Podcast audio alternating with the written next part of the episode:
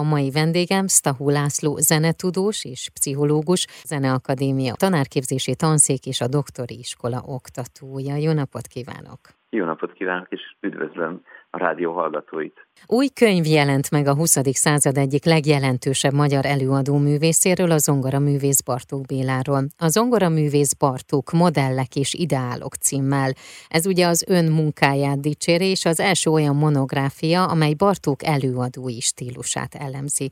Nekem rögtön az jutott eszembe egyébként, hogy a mai korban milyen kutatni, milyen zenetudósnak lenni, hogy a régmúltból, amik fennmaradtak, azokat feltárni, és meglátni az összefüggéseket, vajon hogyan változik majd? Ez egy nagyon érdekes kérdés, méghozzá azért, mert ezt a kutatást nem igazán lehetett volna megcsinálni tulajdonképpen mondjuk akár 20-30 évvel ezelőtt, vagy nem olyan könnyen, mint most. És azért, mert nagyon sok olyan forrás, ami fontos, ami alapvető Bartók előadói stílusának a jellemzéséhez, a mély megértéséhez nem volt elérhető. Ugyan Bartók hangfelvételei már 1981-ben kiadta Sonfai László, Kocsis Zoltán és Sebestyén János. Ezek jól ismertek voltak. Mégis a elmúlt körülbelül 10-15 évben, még egészen pontosan egyébként a YouTube-nak a megjelenésével váltak a mhm. történelmi hangfelvételek, tehát a 20.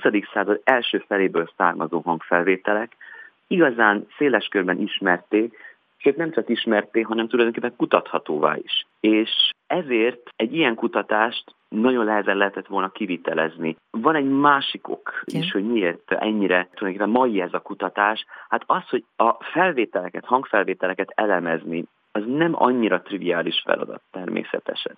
És a hangfelvételek elemzésének a módszertana az utóbbi, hát 15-20 évben fejlődött olyan szintre, hogy relatíva könnyen lehet nagy mennyiségű hangfelvételt elemezni. Igaz uh-huh. ugyan, hogy ebben a könyvben a hangfelvételek elemzéseinek a tanulságai még csak viszonylag ilyen, hát búvópatakként jelennek meg, uh-huh. az majd egy következő könyvtárgya lesz, de mégis nagyon erőteljesen ott vannak a háttérben. Bartók zongorázását 10 és fél órányi hangfelvétel őrzi, bár az 1910 és 45 között készült felvételek jellege és minősége igen nagy változatosságot mutat, a zongora művész megismeréséhez valamennyi rendkívül becses forrásnak számít. Igen, tízes évek elejé és 45 közötti felvételek. Én elsősorban azokra a felvételekre összpontosítottam eddig, amelyeken Bartók nem saját műveit játsza, hanem tulajdonképpen Bartók klasszikusokat játszik, Mozartot, Bachot,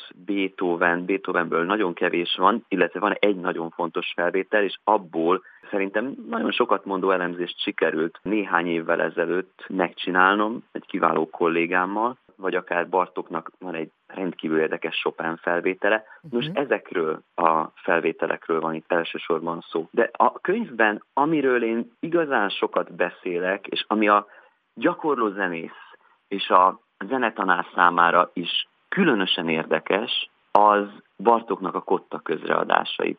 Ugyanis Bartoknak a kotta közreadásai, amiből hát 2000 kotta oldalni, hogyha ezt is összeszámolnánk, uh-huh. valami ilyesmi szám jön neki. Ezekben a közreadásokban az ő előadói ideáljainak, tehát az, hogy hogyan szerette volna ténylegesen hallani Beethoven-t, vagy Bachot, vagy Mozartot, Haydn, Couperent, vagy éppen Chopin-t. Ezekből lehet a legjobban megtudni ezeket az ideálokat. Ebben a könyvben és hangsúlyozom, ez egy első könyv, tulajdonképpen egy könyvpárnak az első könyve. Uh-huh. Ezeket az ideálokat próbáltam föltárni, és rendkívül érdekes dolgokra jöttem rá. Egyébként azért ezt meg kell említenem, hogy a könyvet egyrészt úgy írtam meg, másrészt olyan dolgokat is írtam a könyvben, amelyek nem csak a szakma számára érdekesek, és adott esetben rendkívül fontosak is lehetnek, hanem a szélesebb közönség számára, a művelt közönség számára, akik érdeklődnek uh-huh. Bartók iránt, vagy egyáltalán a kultúrtörténetünk iránt. Ebben a könyvben, vagy én azt gondolom, hogy az alapját nem csak az adta, vagy adhatta,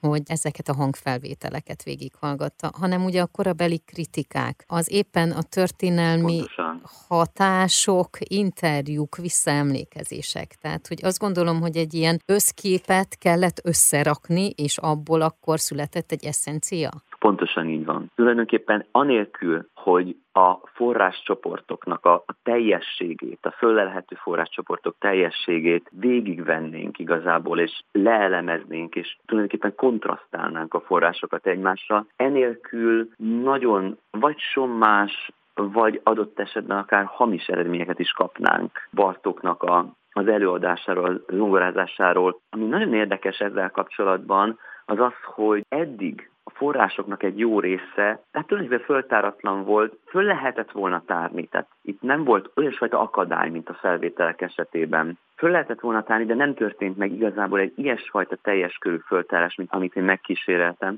És éppen ezért Bartók előadóművészete kapcsán a szakmában jó pár, hát tulajdonképpen ilyen téveszme uh-huh. mondhatjuk ezt, forgott kézen közön. Megpróbáltam jó pár ilyen téveszmét, vagy mítoszt egy kicsit feloszlatni, és a megfelelő válaszokat megadni a forráscsoportok alapján ezekre a kérdésekre. Nehéz ezt megtartani, hogy az elemzés oldalon maradjon, és ne csúszson át kritikába? Valóban nem könnyű. Hadd mondjak egy példát rögtön ezzel kapcsolatban. A könyvnek a második része, ami szerintem mindenki számára tényleg nagyon érdekes, nem csak a zenész és a zenetanár, hanem a, a nagyobb közönség számára, és ez, hogy hogyan tanított Bartók, milyen tanár volt Bartók. Mindeddig ennek kapcsán egyfajta ilyen hagiográfiai szemlélet volt tulajdonképpen a Bartók irodalomban jelen. Bartókról, mint tanárról eddig szinte csak az az információ jutott el, fogalmazunk így, a nagyobb közönséghez, hogy hát Bartók valami egészen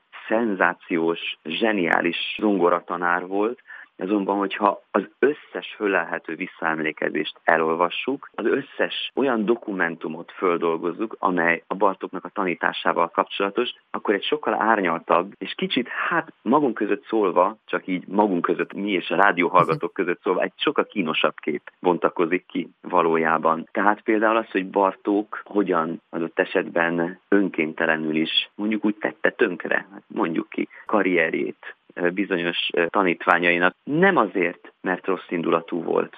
Szó nincs ilyenről, hanem egyszerűen a módszerei olyanok voltak, amelyek hát a földbe döngölték ezeket a fiatal embereket, elsősorban fiatal nőket egyébként. Ú, de izgalmas. A Zongora művész Bartók modellek és ideálok könyv már elérhető. Én nagyon-nagyon szépen köszönöm a beszélgetést. Én is köszönöm, és köszönöm a figyelmet a hallgatók részéről.